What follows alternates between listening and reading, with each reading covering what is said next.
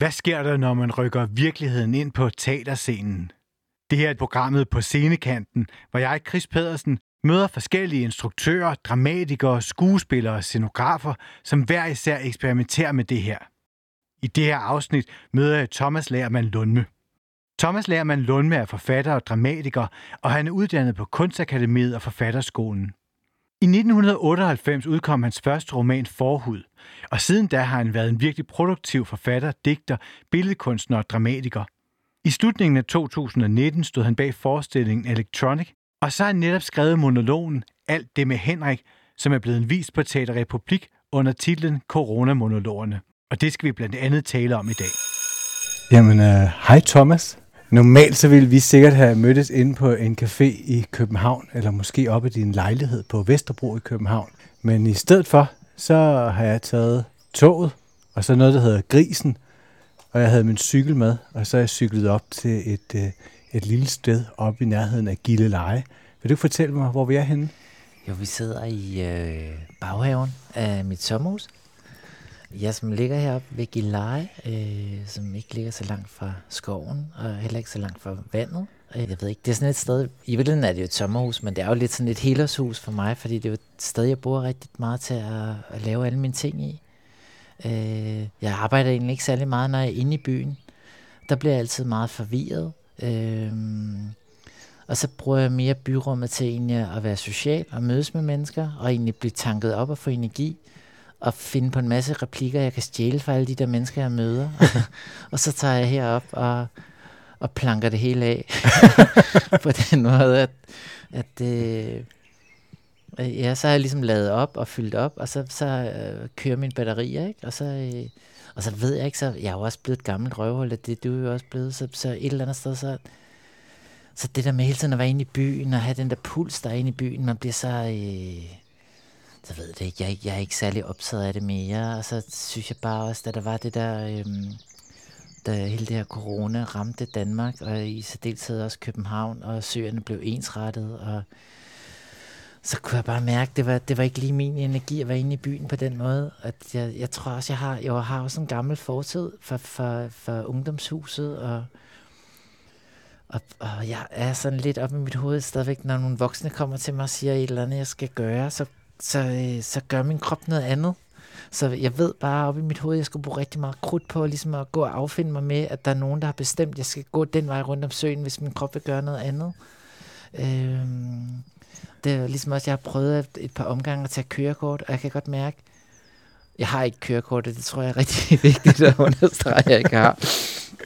Men at hvis der er nogen, der siger til mig, at jeg skal gøre sådan og sådan, så, så gør jeg bare noget andet. Og det er jo lidt den der energi, tror jeg, som jeg også bruger til at skrive på, at, at øh, jeg virker egentlig som sådan et meget sødt menneske, tror jeg, der er meget flink og i meget balance, men jeg er ret sådan trodsig, ret stedig og ret... Øh, viljestærk, hvis jeg beslutter nogle ting op i hovedet. Ikke? Og øh, jeg, jeg tror bare også, det, det er sådan, jeg er sikkert også en 70'er unge, der er vokset op med de voksne. Hver gang de sagde noget, var det til forhandling. Så kunne man altid selv byde ind og have en mening, og så kunne, kunne de voksne tit sige til en, Nå, men det er egentlig meget rigtigt, Thomas. Det lyder meget fint. Lad os hellere gøre det sådan. Det var da en god idé og sådan noget. Ikke? Og jeg gik jo også på en friskole på Østerbro, hvor vi i mange år havde en matematiklærer, der altid sagde, det der med to og to var fire, det synes han også var noget mærkeligt noget, nogen havde besluttet. Det, hvorfor er det ikke fem eller otte? Eller... Så jeg tror allerede, det, der lå sådan noget, sådan noget tvivl i mig på den måde med, hvad de voksne siger, om det er rigtigt. Så på den måde, så passer det på en eller anden måde næsten, altså så er det bare meget fint for på, på mange måder at komme op og sidde i et sommerhus. Mm. I tog op lige efter, efter lockdown-talen, ikke? Jo, så tog min mand og jeg herop. Øh, jo, det var, der var det jo mere sådan rigtig, altså, det ved jeg ikke, nu, nu, nu, nu kører byen i et andet level, ikke? synes jeg. Nu virker det mere også, som om der er lidt flere, der er kommet på mit hold, der ikke rigtig tror på de der autoriteter, der bare gør, hvad de har lyst til alligevel. Det resulterer nok i lige om lidt, at vi alle sammen er syge, ikke? Men, ja, det kommer igen, ja. Ja, nu må vi se, men det... Ej, der var det sådan lidt mere, altså, krisestemning over det hele, og min mand er også en, der kan arbejde rigtig meget hjemmefra, eller i hvert fald heroppe fra sommerhuset, så tog vi bare herop, og, øh, og jeg kan jo også altså arbejde heroppe fra, ikke? Øh, og jeg kan godt lide det, ved jeg ikke, altså, det, det er også det der, som jeg sagde lige før, det der med, at jeg også er blevet gammel, jeg kan virkelig, virkelig godt lide at, at være udenfor, og være ude i naturen, og gå rundt og holde øje med nogle æren, der er ved at bygge rede, eller pinde. Nu kommer pindsvinet, og så er der et rådyr, og jeg ved ikke rigtig, jeg har ikke rigtig brug for så mange mennesker i mit liv mere. Jeg kan bedre lide dyrene, tror jeg. og hvis vi lige skal, sådan, skal sætte scenen, så sidder vi op. Det er et sortmalet hus med nogle store vinduer. Store vinduer, hvor man kigger ind igennem, så er der hvide vægge. Øhm, der er en grøn, grøn eføj og et lille fuglehus, som er lavet af et birketræ med et hul i. Så når man kigger ud i haven, så er der nogle meget, meget store gardenia-blomster. Eller sådan nogle buske med virkelig smukke. Og en lille baghave med en bænk. Og lige før var der et en, og du fortalte også, at der havde været et dårdyr. Og, og fuglene synger. Så i løbet af den her samtale, der vil vi kunne høre lidt fuglefolk, og måske også en nabo, der slår sit græs. Jeg kunne i hvert fald høre en anden form for maskine lige før. Men vi tænkte, det var meget rart at sidde ude alligevel. Ja. Øhm. Måske der er nogle unger, der begynder at hoppe i trampolin. Ja. Men måske også meget godt, vi skal jo holde noget ja, afstand det, det, nu, det, det. cirka to meter. Ja. Så vi har heller ikke givet hinanden hånd, og vi har faktisk heller ikke givet hinanden et kram, og det Nej. ville vi nok have gjort ja. under normale omstændigheder. Ja. For vi har kendt hinanden i mange år. Øh, jeg er 42, du er 46. Mm. Du er forfatter og dramatiker, poet, billedkunstner, og har jo skrevet et utal af bøger og teaterstykker. Altså, du er måske et af de mest produktive mennesker, jeg kender. Øh, men du er også netop et, et, et menneske, som er ja, som bestemt ikke er autoritetstro. Og på en eller anden måde, så har jeg altid læst dig som en, som har holdt meget fast i en form for en form for ungdomstrods, eller i et, en ung, altså den energi, man har som helt ung mand, og det skinner igennem i mange af dine tekster, og det skinner igennem i meget af dit sprog.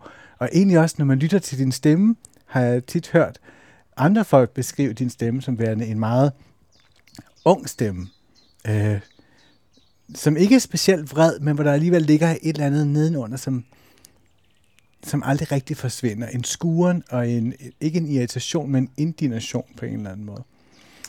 Og vi skal tale om din dramatik, mm. først og fremmest. Og ja, et af de stykker, eller faktisk det, dit seneste stykke, Electronic, øh, som er et stykke, der bliver opført i 2019, altså i sidste vinter. Og ja, den foregår på et, på et dansegulv, og jeg vil lige starte med at læse introen, eller ikke introen, men regien op. Mm.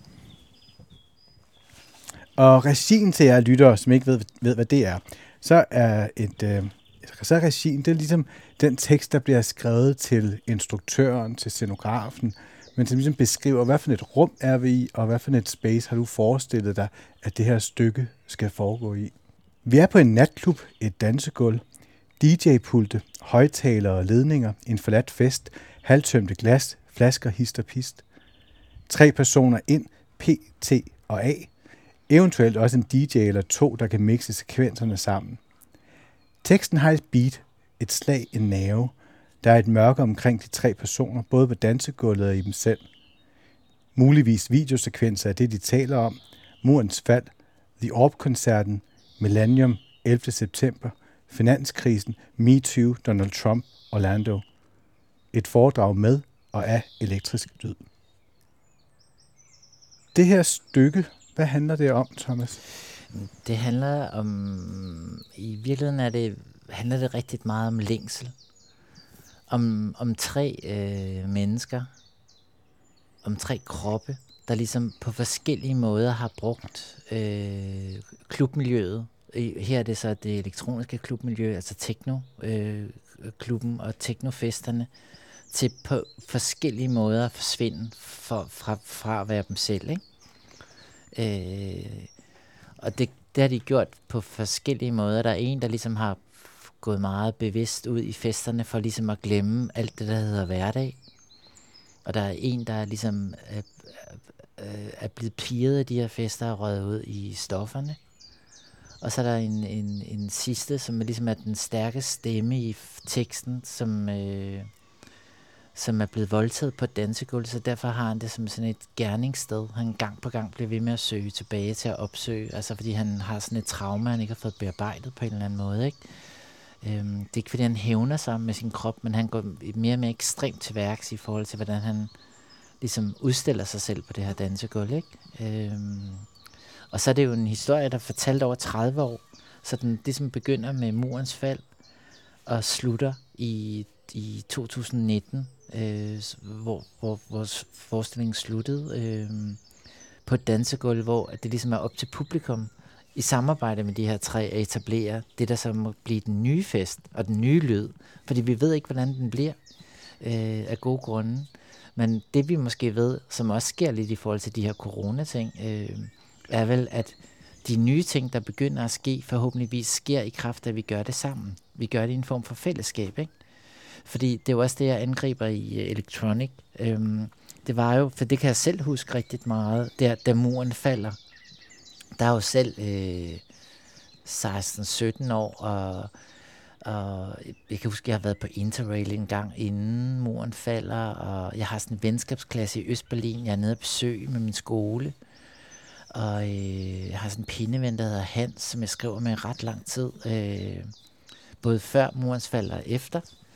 Øh, og, og, og jeg kan huske der, i hvert fald når man kom til Berlin, det der underlige genforeningssted, hvor man ligesom øh, i, i der i begyndelsen af 90'erne var, var, var sådan underlige fyldt af lykke, og tænkte, nu bliver verden fantastisk, og alt bliver godt, og vi skal alle sammen rumme hinanden, og vores forskelligheder, og man kom til de der fester, der var ikke noget med, at man stod, var, var kigget op på en DJ, der stod op på en scene. Det var ligesom en flad struktur, hvor vi alle sammen dansede i alle mulige retninger, og var nede på gulvet sammen, ikke? eller på asfalten. Øhm, og så hurtigt, og det er jo det, der altid sker, hver gang man går ind i en kultur, så, så begynder man at lave hierarkier, og nogen finder ud af, at her kan vi tjene penge af noget, ikke? Øh, så begynder der at blive en barkultur. Når man, vi sponsorerer lige baren, den, så flytter vi lige, den kommer til at fylde herover. vi laver en DJ-pult herop.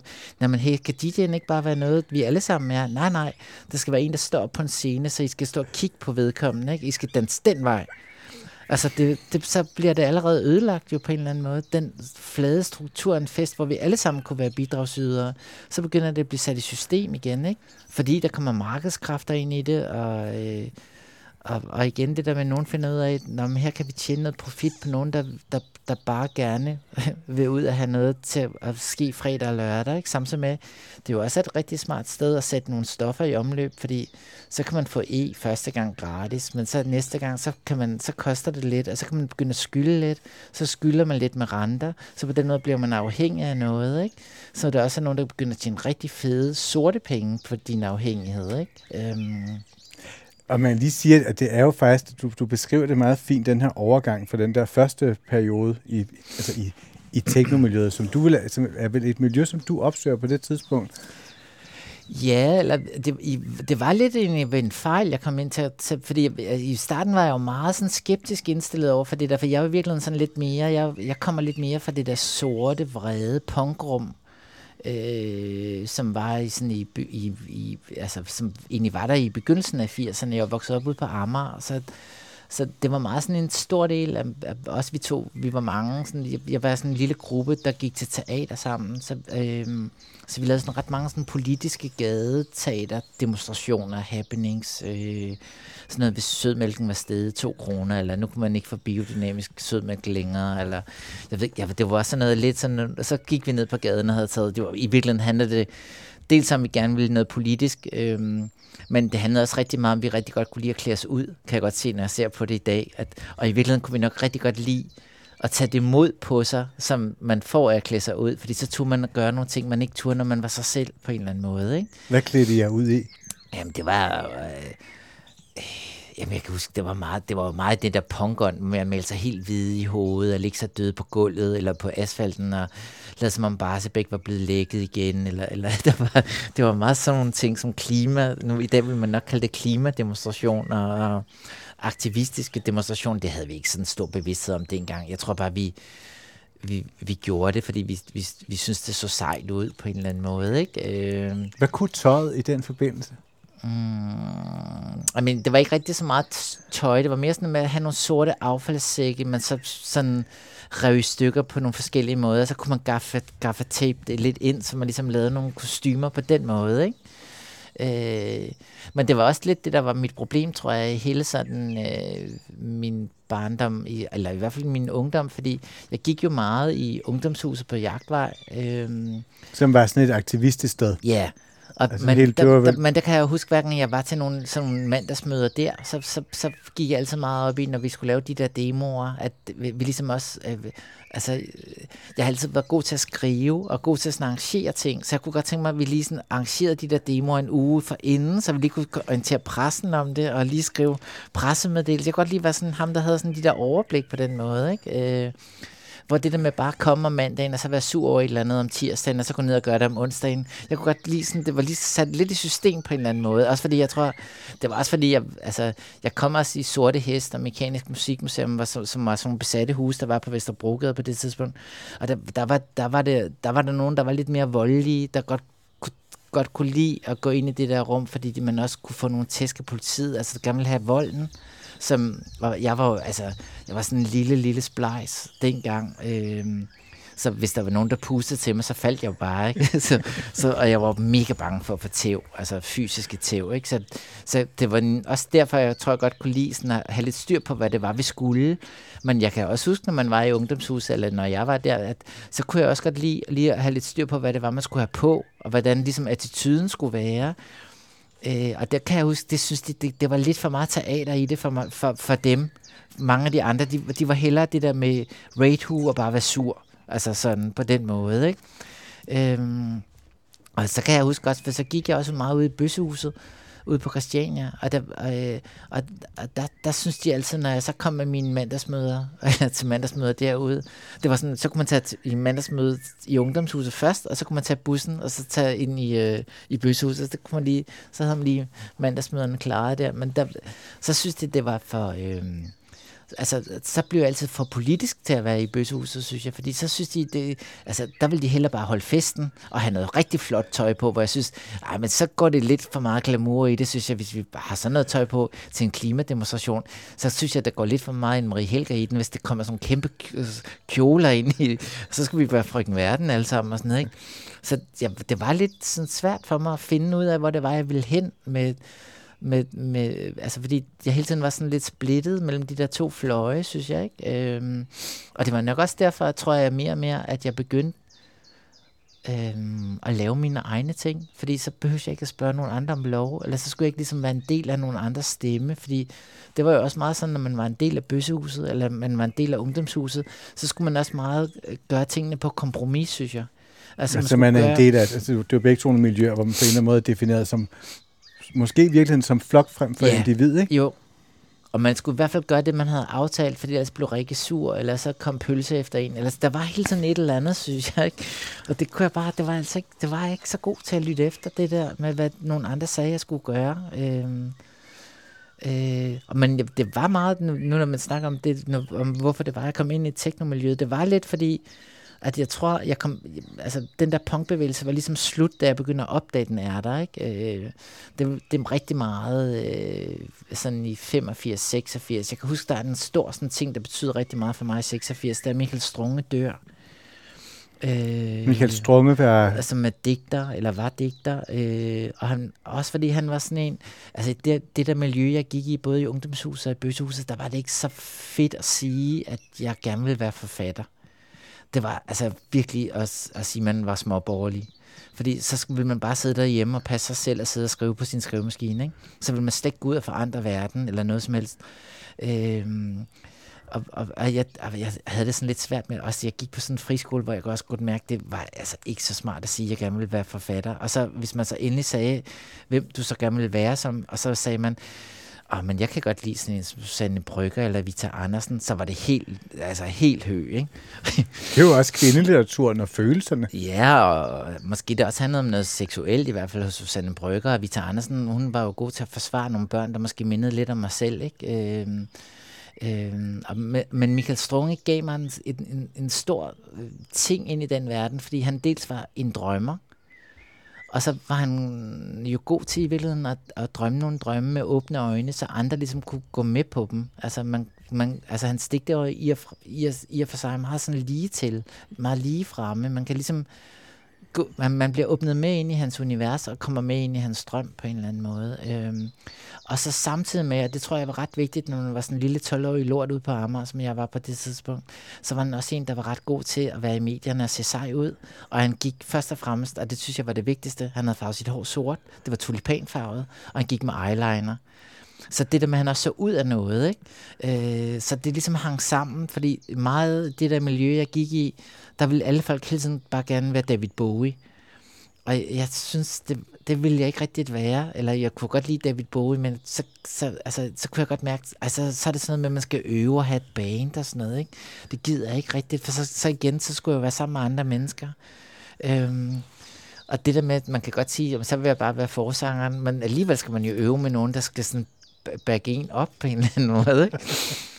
øhm, så den der med at komme ind i lyrikken på den måde, det var altså en ret stærk følelse for mig, fordi det gav mig en helt ny drivkraft.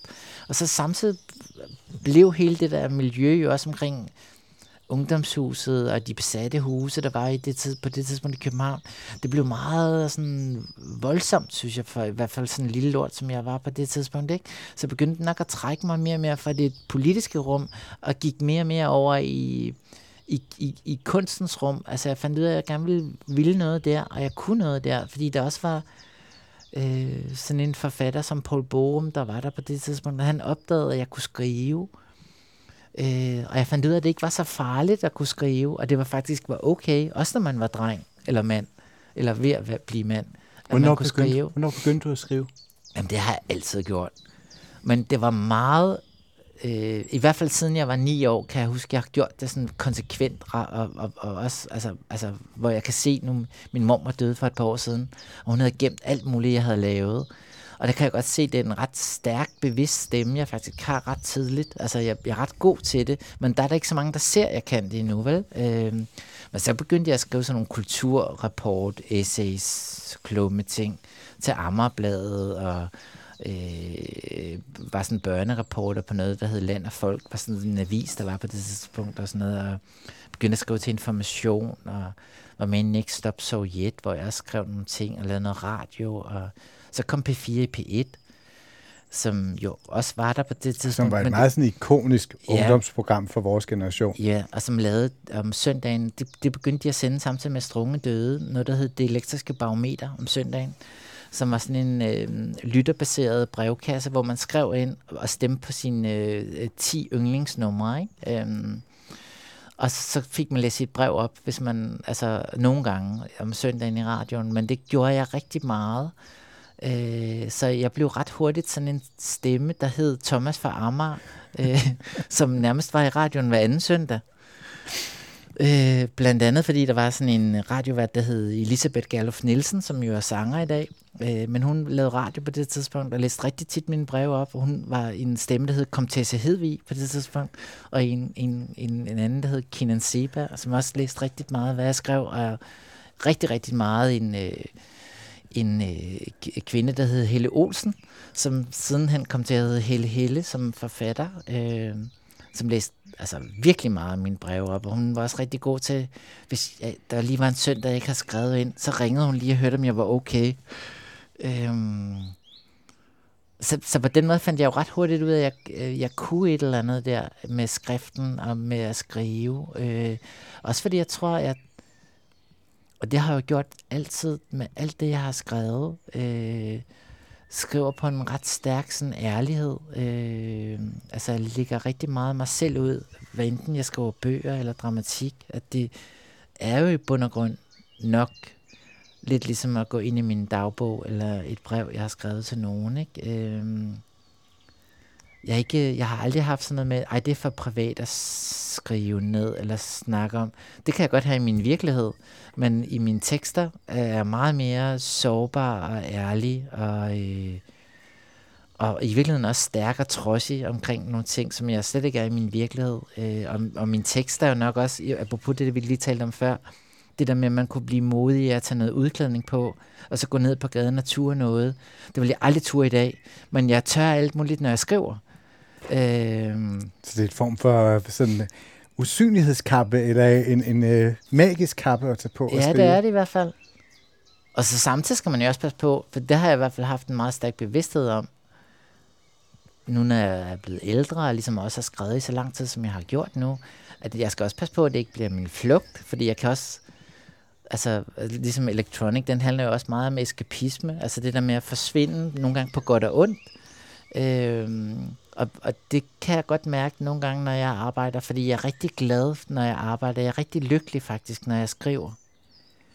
Og den lykke skal jeg også nogle gange blive lidt bedre til. Det er noget, jeg øver mig på med, med alderen, men jeg skal være lidt bedre til at tage den ind i min egen virkelighed også, ikke? Fordi det er tit, når jeg er til stede i virkeligheden, så keder jeg mig ret tit.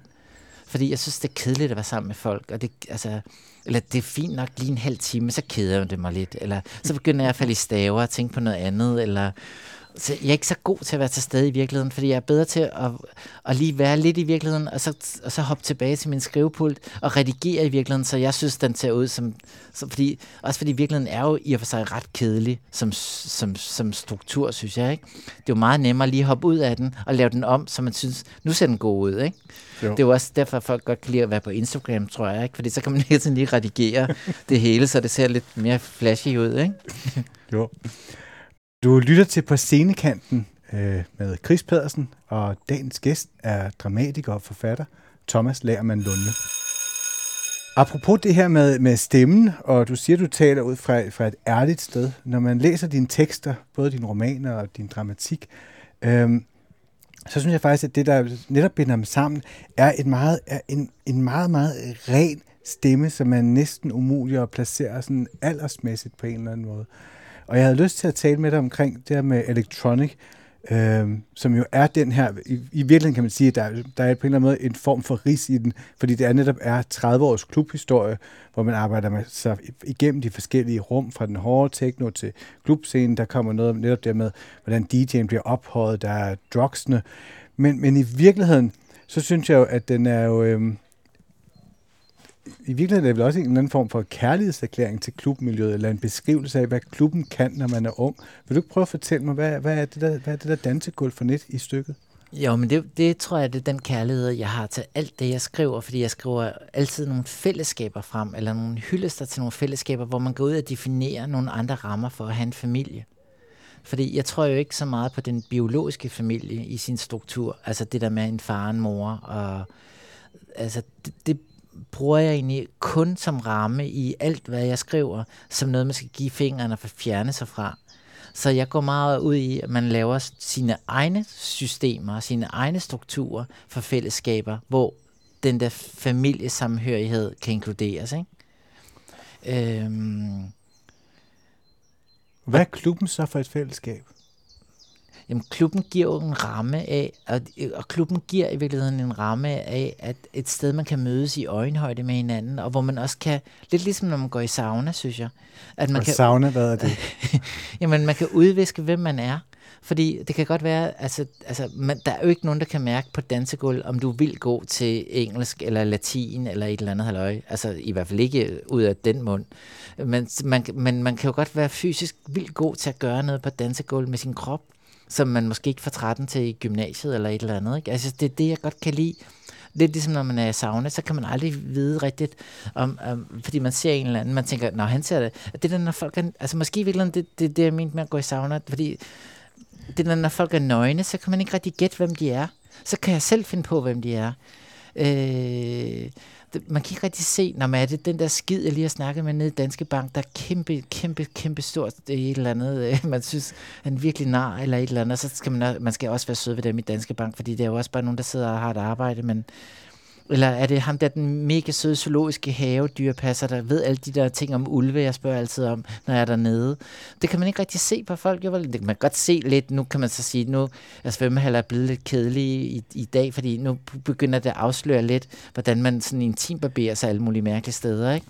Ja, der er helt klart socialklasse ja, i krop og i tatoveringer. Det, altså, det synes jeg, det begynder at blive lidt, desværre ja. lidt øve, ikke? Og nu er det også igen blevet sådan lidt flashy rum, hvor man skal vise sig frem, men jeg synes sådan, svømmehallen har nok haft sin altså, den, altså nu snakker jeg måske mere om svømmehal og sauna for sådan en 5, 7, 10 år siden, og det er virkelig også det klubmiljø, jeg fremkalder her. Det er jo heller ikke så meget det klubmiljø, som er i dag, fordi da, da jeg skrev forestillingen, så gik jeg lidt på klub igen, fordi at jeg tænkte, nu må jeg lige prøve at mærke, hvordan er det i dag. Og, og der synes jeg altså også desværre, og det er jo også det, der er min pointe med at lave forestillingen, at det er blevet det der underlige udstillingsrum igen. Altså hvor man helt klart går ind på dansegulvet og har en agenda om, at nogen skal se en. Og, og man skal vise sig frem, og man skal være noget, og nogen skal lægge mærke til, at man kan noget. Og jeg synes altså også, de der klubber, jeg var på, nu gider jeg ikke sige, hvad det var for nogle steder, men der virkede det, som om folk havde øvet lidt hjemmefra på en eller anden måde. De havde stået foran et spejl og fundet ud af, at det her ser fedt ud. Der er virkelig en du beskriver, det er jo så ikke Instagram, du nævner ikke Instagram med navn i, i forestillingen, men der er jo det her med netop billedsiden af, ja. et, at, at, at, at der er på en eller anden måde et, et skift, og det er også et, jeg kan huske tilbage, for jeg kan huske det første digitale kamera, mm. at den første gang, jeg oplevede, det var i København, var der et øh, område ude på noget, der hedder, det er vel ude på Bryggen, er det vel, men hvor der var blandet var en klub, der hed Søjakagen, ja. og så var der siloerne, ja. og for en af festerne i siloerne, og det må vi have lige omkring år skiftet, eller 2004 eller sådan noget, der kan jeg huske første gang, hvor, øh, hvor der pludselig en, der går rundt med et lille digitalt kamera og filmer os. Og jeg kan huske, at jeg sagde til min kæreste dengang, at hvis han kommer i nærheden af dig, så skal du gå. Ja. Der er ingen, der må filme dig i det her rum, fordi det er, det er vores space. Mm.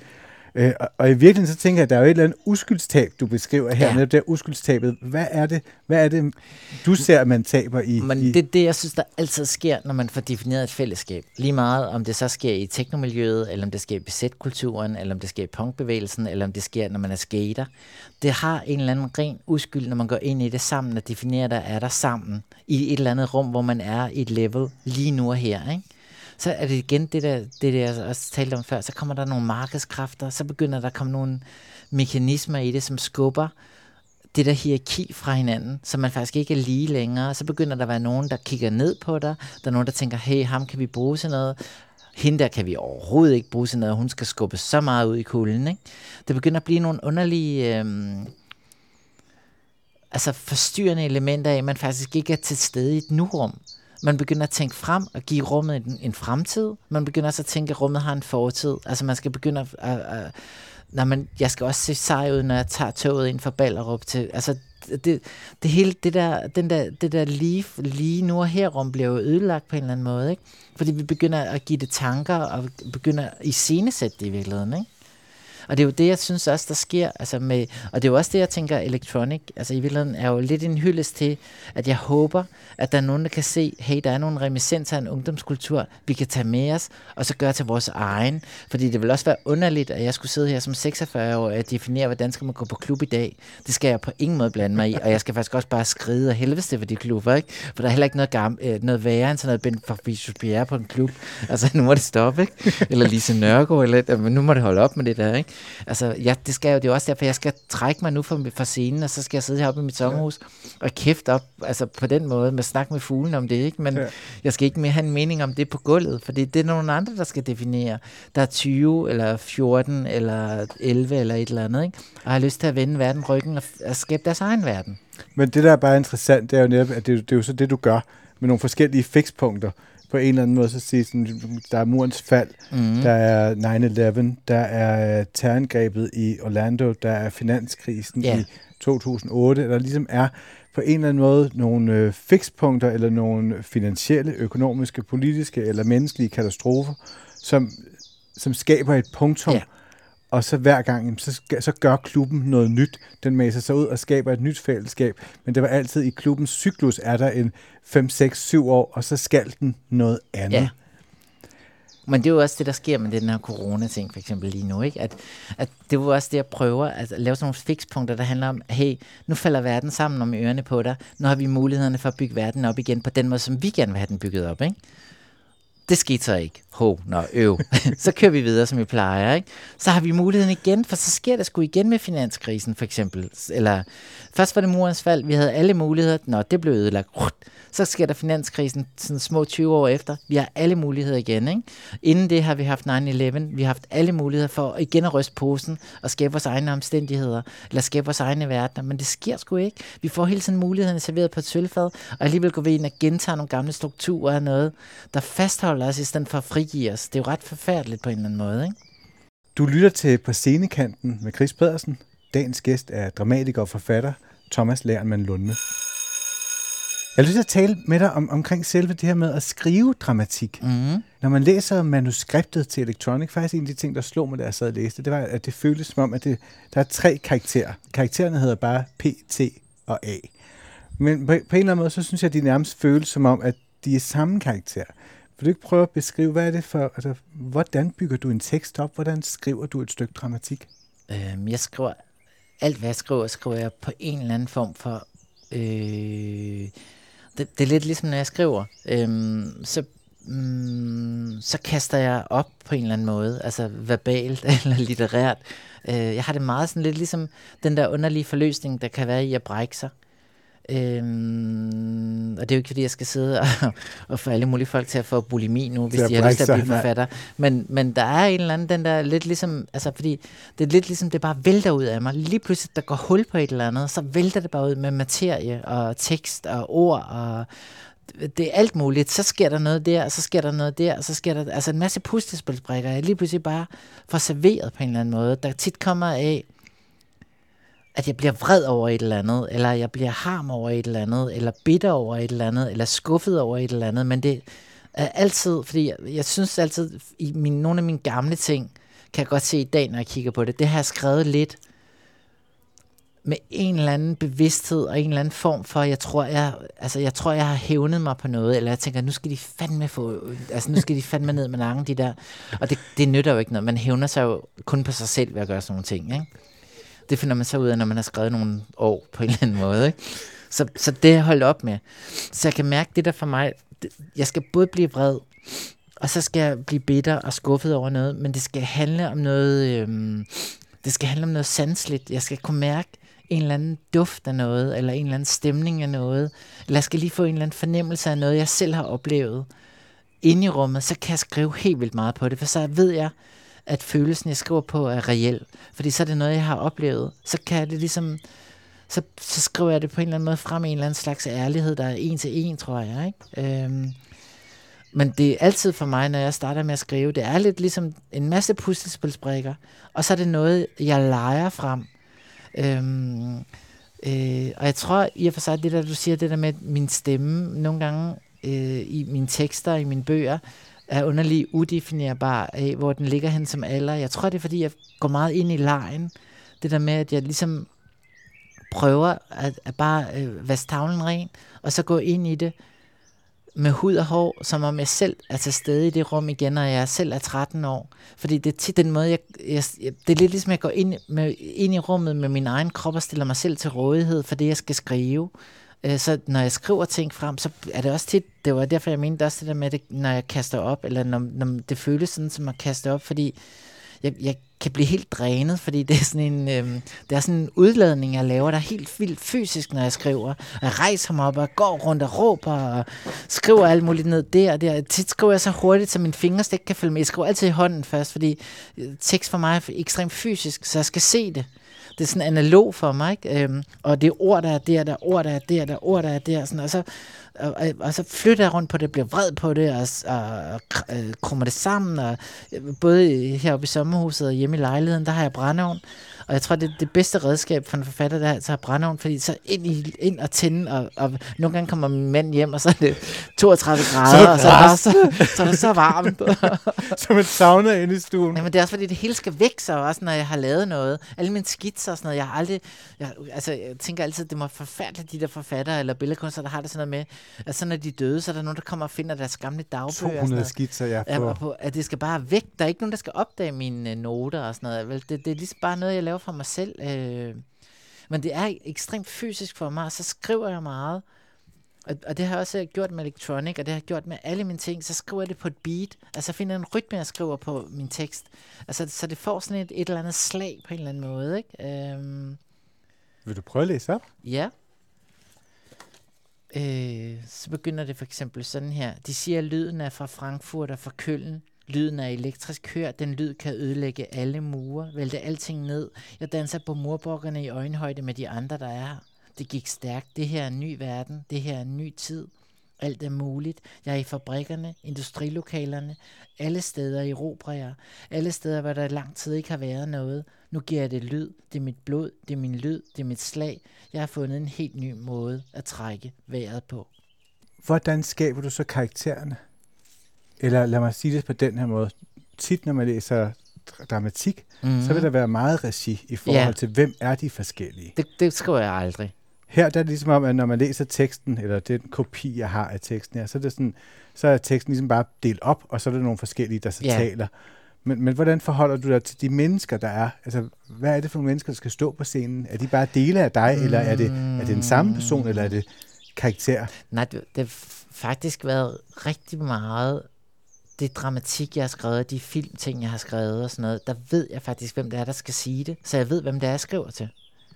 Så det er tit også, når jeg skriver til dem, så, fordi jeg er rigtig god til at høre, hvordan folk taler, så skriver det ind i de beats, de selv giver mig. Eller hvis, jeg, altså, hvis der er nogen, der, altså, der taler meget mere og, og, med indskudte sætninger, for eksempel, og så er der nogen, der taler meget staccato-form, ikke? Øh, og så er der nogen, der hele tiden siger meget ø, eller, sådan, eller hele tiden holder pause, altså afbryder sig selv på en eller anden måde, ikke? Og det sådan, jeg tager tit ind i mine tekster, når jeg ved, hvem det er, jeg skriver til. Og så kan jeg kamuflere den en lille smule, så man ikke, man skal heller ikke hænge folk ud, der skal spille det bagefter, vel? Øh, men så kan jeg også godt lide tit i... Det er, det er jo det dejlige ved at være øh, altså, dramatiker på den måde, som jeg er, det er, at jeg tit bruger rigtig meget spillerne, når jeg skriver en tekst frem. Så jeg også bruger dem, jeg hele tiden inviterer dem ind i mit rum, så de kommer og læser det for mig hele tiden, så jeg hele tiden kan høre det.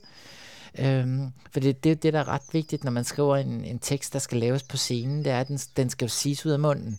Den skal jo ikke have så stor litterær kvalitet som en, som en roman eller en digtsamling, fordi der, der har det en anden lyd på en eller anden måde. Men der gør jeg faktisk også tit det for mig selv, at når jeg skriver en tekst frem, så, så spikker jeg den ind på min telefon, og kan gå og høre den i lang tid, fordi så kan jeg høre, hey, her tror jeg ikke på det selv længere, der bliver det for konstrueret, eller her kan jeg mærke, nu giver jeg det en runde mere, det ikke behøves. Det skal ud. Altså det er lidt ligesom at lægge en make-up, tror jeg, i bund og grund, ikke? Altså så kan man godt se, hov, nu fik jeg for meget på. Fik for meget rouge på. Jeg skal lige en tone lidt ned. Det er ikke Crystal Carrington nu, det er kun torsdag aften, ikke? Og så kan man se, nej, nu giver den sgu fuld skrue, nu er det, lør, nu er det lørdag, ikke? Sådan ren så Kim kommer, Kardashian. Så kommer vatskuller det hele på, ikke? så, og tennissok ned i buksen og sådan noget, ikke? Så kører det bare, ikke? Altså, det, det er jo så meget forskelligt, synes jeg, ikke? Men det, det, det, altså, meget af det, jeg har skrevet til scenen, er noget, jeg ved, hvad for nogle spillere, der, er, der skal spille det, ikke? Og det giver jo en rigtig stærk fornemmelse af, hvordan det er, tingene skal siges også på en eller anden måde. Ikke? Men jeg kan også mærke, at altså, jeg er jo ikke selv instruktør af mine ting. Øh, og det vil jeg slet ikke være, fordi jeg, jeg vil, altså, apropos det der med autoritet, altså jeg vil slet ikke kunne lide at skulle bestemme over andre mennesker. Så jeg, jeg kan også mærke det der med, jeg, vil få helt, jeg får allerede helt ondt i maven nu over, at jeg siger det. Og det er også der, at jeg ingen børn har eller noget. Altså jeg vil have det så dårligt med det. Altså fordi jeg... Jeg har en kat. Jeg har en kat, men den, jeg, heldigvis katte kan man sige, de, de passer rimelig meget sig selv. Så en kat minder nok meget om mig på den måde, ikke? At den, Altså, den giver ikke fingeren til nogen, men den, giver, den, vender bare, den vender sig bare om, og så, altså, den er ligeglad, hvad jeg står og råber og skriger. Man ser røvhul på katten. Ja, det, Altid, det, ikke? jo. man ser ikke så meget mit røvhul på den måde måske. Eller det er der nogen, der gør, men ikke så mange mere. det er noget andet. Men jeg, jeg tror bare, det, det handler meget for mig om, at, at altså det der med at, at skrive teksten frem, og til jeg ved, hvem det er, der altså, siger den, det, det er ekstremt givende for mig, men jeg tænker egentlig ikke, når jeg skriver, at når så er det en karakter, der ser sådan og sådan ud, og hun kommer fra farven, og så kommer ham her, der har sådan nogle træningsbukser på, sådan noget, sådan noget tænker jeg slet ikke. Altså, på den måde er det stemmer ind i mit eget hoved, der bare kører for, for fuld hammer, ikke? Og det er også det er også sådan lidt, synes jeg, nogle gange, jeg kan godt mærke, når jeg arbejder nogle gange med nogle instruktører, der ikke plejer at have, have arbejdet med mig, det er også sådan nogle lidt feberting, der kører i min, altså det er sådan lidt vanvidsagtigt, øh, også fordi jeg er ikke særlig, øh, altså, øh, jeg er jo ikke sådan, der skriver sådan nogle, øh, så drikker jeg en kop kaffe, altså nogle virkelighedstekster. Altså, jeg er ligeglad med virkeligheden på den måde. Det er jo altid lidt i nogle, nogle kunstigt skabte rum, eller nogle, øh, nogle andre situationer måske, ikke? der bliver skubbet lidt ud over kanten på en eller anden måde. Ikke? Øh, nu sagde jeg det med Michael Strunge før, det der med, at man gik ind i hans drømme og drømte med på dem med åbne øjne. Det er jo også derfor, jeg tror egentlig også, jeg er fascineret af at lave de der klubmiljøer, eller øh, lave nogle andre slags rum, hvor det ikke er de der familier, som jeg også talte om før, fordi jeg, jeg vil kede mig ihjel, altså hvis jeg skulle sidde og skrive et eller andet om en eller anden, der bliver konfirmeret, eller en far og mor, der sidder og snakker om, nu skal de måske til Spanien, eller at måske det er corona, nu er det ikke så meget, man har lyst til at tage til Spanien, men altså det der, det, de der virkelighedsdialoger, det med, jeg er ikke så optaget af virkeligheden på den måde, vel? Du lytter til På Scenekanten med Chris Pedersen. Dagens gæst er dramatiker og forfatter Thomas Lernmann Lundme. Apropos det her med virkeligheden, og det der med at gøre virkeligheden til teater, så har du premiere det i dag, faktisk, at den er kommet en, øh, et, et, man kan sige, et stykke YouTube-dramatik, ja. lavet i samarbejde med teateret, der hedder Republik. Øh, og det er faktisk en del af sådan en større, en, en større flok eller gruppe af dramatikere, der har skrevet dramatik til en skuespiller, som så står derhjemme og i virkeligheden instruerer sig selv, for jeg skulle til at sige, at de bare læser det op, men det gør det ikke. De spiller faktisk i meget høj grad stykket. Men øh, dit stykke, det hedder Inden alt det med Henrik. Vil du ikke fortælle mig, hvad den tekst handler om? Jo, øh, jamen det er Morten H. Andersen, der spiller øh, måske mig, eller en, en udgave af, af, af, af et jeg, i hvert fald jeg har, ikke? Øh, det er et jeg, der taler i en tekst om et du, og hvor jeg og du i hvert fald er blevet adskilt af noget. Og, øh, og man, øh, i begyndelsen kan man ikke rigtig finde ud af, hvad det er, der har adskilt dem. Er det corona, eller er det fordi, at duet har blevet lidt for optaget af en, der hedder Henrik, som har været til en fest, de i hvert fald har været til begge to. Og vi kender jo alle sammen godt de der Henrik-typer, hvor at man kommer ind til en fest, og man faktisk har det dejligt med sin kæreste, eller hvad det er, man har med. Og så, øh, og så kom Henrik. Ja, så kommer der lige pludselig ham der, der bare tager scenen, og man tænker, har han taget højfældssol, eller hvad fanden er der sket? Nej, det har han så ikke, så har han været nede på nogle skiløjper, ikke? Og han kommer bare med hele coronalorten kørende ind, og, og bare alle synes, han er fantastisk, og alle vil røre ved Henrik, og, alle, og Henrik vil have, alle skal røre ved ham. Han hælder op i glasene, og alle rører ved Henriks glas og sådan noget. Ikke? Henrik giver schusser til alle, og alle har rørt ved Henrik, og alle de der overflader, man så bagefter skal spritte af. Men der ved man jo ikke noget om sygdommen. Det er jo lige inden coronaudbruddet kommer det her, så alle får bare lov at nusse rundt i Henrik, der, der øh, altså står med, med, med alting åbent, kan man sige. Ikke? Og, og det er jo lidt det, duet kommer til også at ryge med i den der Henrik-karusel. Så jeg og duet er i hvert fald adskilt nu, og jeg og duet er i karantæne på grund af Henrik. Og på grund af alt det, der skete til den fest med Henrik. Ikke? Og i virkeligheden er, er sådan en sygdom jo også en form for utroskab, fordi det er jo også en, det er jo en måde, vi trækker vejret på, men så, så kommer den jo ind i en, og så, så, så afsted kommer den lige pludselig, at man skal til at leve sit liv anderledes om, fordi der sker noget på en eller anden måde, ikke? Altså, jeg er jo egentlig i for sig i, jeg er en, der passer lidt på sig selv, og i virkeligheden godt kan lide den historie om jeg og duet som det der par, eller hvad det er for noget. Så, altså, de har deres egen lille boble af lykke, og det plejer jeg du duet at have det meget fint med, lige indtil Henrik kommer hjem for de der skiløjper, ikke? og ødelægger det hele. Det er meget rent, når du, når du fortæller det på den måde, så kan jeg jo godt så det synes jeg nærmest det, så giver det man nærmest en kuldegysninger, fordi så er det jo et, så er det jo, altså, øh, på, ud på print, der er det to sider langt. Mm. Men, men når du siger det sådan, så er det jo et, det er jo et stort menneskeligt drama om, ja. om jalousi. Ja. Og vel også om det her med, altså både at være isoleret i et forhold, og om ensomhed vel mm. også. Der ligger jo en ensomhed i, i, i det her, den her splittelse mellem jeg og du, ja. og så Henriken, der på en eller anden måde fremkalder, ja. fremkalder væsken på den her ja. ensomhed. Og så ligger der, synes jeg, meget i den måde, som Morten spiller teksten, eller fremsiger teksten, at den form, det talte jeg også meget med Morten om, inden han lavede den, at øh, Øh, man ikke rigtig kan finde ud af, om jeg er død har et reelt forhold, eller om det er noget, jeg har fundet på op i sit eget hoved, at jeg er død har. Det kan godt være, at du slet ikke har en bevidsthed om jeget. At det er jeget, det kender vi jo også alle sammen, de der fester, vi går til hver gang, fordi vi håber, at du vil se os nu, ikke? Og man har taget den der fine bluse på, eller den der parfume, eller et eller andet, og så bliver vi stadig ikke set, og fordi så kommer der den der spade ind ad døren, som Henrik igen, der tager scenen, ikke? Sådan kan den også ses, teksten, synes jeg, ikke? Eller læses. Og det synes jeg, der ligger meget i Mortens spil i hvert fald med teksten, at Måske har jeg og duet aldrig haft en relation. Men måske er det bare en illusion, ja. ja. Og det, sådan er det jo også tit med kærlighed. Altså når folk begynder at, altså, at, at tale om, at de har en relation sammen, så kan man tit se, at den anden bliver helt forvirret over det, fordi det kan man godt se, øh, at det ved du altid selv, når man sidder sammen med nogen, og man begynder at snakke i vi-form, så, så man altid se nogen, der bliver askegrå i hovedet, fordi de tænker, Hov, der, den, der, den der connection var ikke lige røget med ind i på den måde. Eller, ja. altså, det var altid, fordi man også... Og det er jo det, der er så fantastisk ved at lave teater, synes jeg. Fordi det er jo også en måde at udstille alle de der underlige forestillinger, vi hele tiden har om os selv, som en del af de andre, eller som, nu hænger vi jo sammen, dig og mig, på den måde, eller hvad det er for noget, ikke? Øhm, det, er, det er jo også det, der er, er, er, er, er altså, fordi det synes jeg ikke så godt, man kan gøre, når man skriver bøger. Der kan man ikke rigtig forstørre de der mekanismer på samme måde, som man kan i dramatik, fordi i bund og grund, når man skriver dramatik, og når man også skriver film, Så skriver Så du skriv- en fysik. Ja, og man skriver det ret banalt. Det er ret banalt at skrive øh, dramatik, faktisk. Fordi det handler bare om de der følelser, man har. Og følelser er jo vildt banale. Det er sådan nogle urkræfter, ikke? Så kan man sige til dig, at du er dum, så begynder du at sidde tude.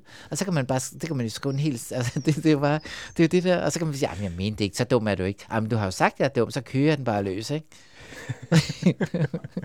og det, hvis man læser det i en bog, det gider man jo ikke. Og det bliver i hvert fald en lang bog, eller det bliver Ja. en lang, lange scener. Og der er også kommet nok af den, den slags litteratur, vil jeg sige, ikke? Jo. Må der ligesom ske noget nyt, ikke? Jeg har lyst til lige at læse op lidt fra monologen her. Mm. Jeg savner det. Alt det, der var dig og mig. Inden alt det med Henrik, sneen og skiene. Nu er jeg her med alting og med ingenting. Mellem os er natten. Det er det mørke, vi kan slå hinanden ihjel, hvis vi går ud og erstatter vores længsler med rigtig hud. Det er jo, altså, du er fuldstændig en til en, end på en eller anden måde. I hvert fald min, jeg er stadigvæk i den der øh, øh, sådan, sovprocessen over coronaen. Hvor hurtigt kan man omsætte noget, der sker i virkeligheden til et stykke dramatik? Hvad for nogle overvejelser gør du der omkring det? Øh, jeg tænkte meget på det, om, altså i forhold til, at igen, at jeg bliver nødt til at skrive på sådan nogle urfølelser, som, som man kan forstørre i kraft af, at der sker sådan nogle kriser som corona. Altså, der kommer sådan en epidemi, en virus, der begynder at angribe os på alle mulige måder, ikke? Øh,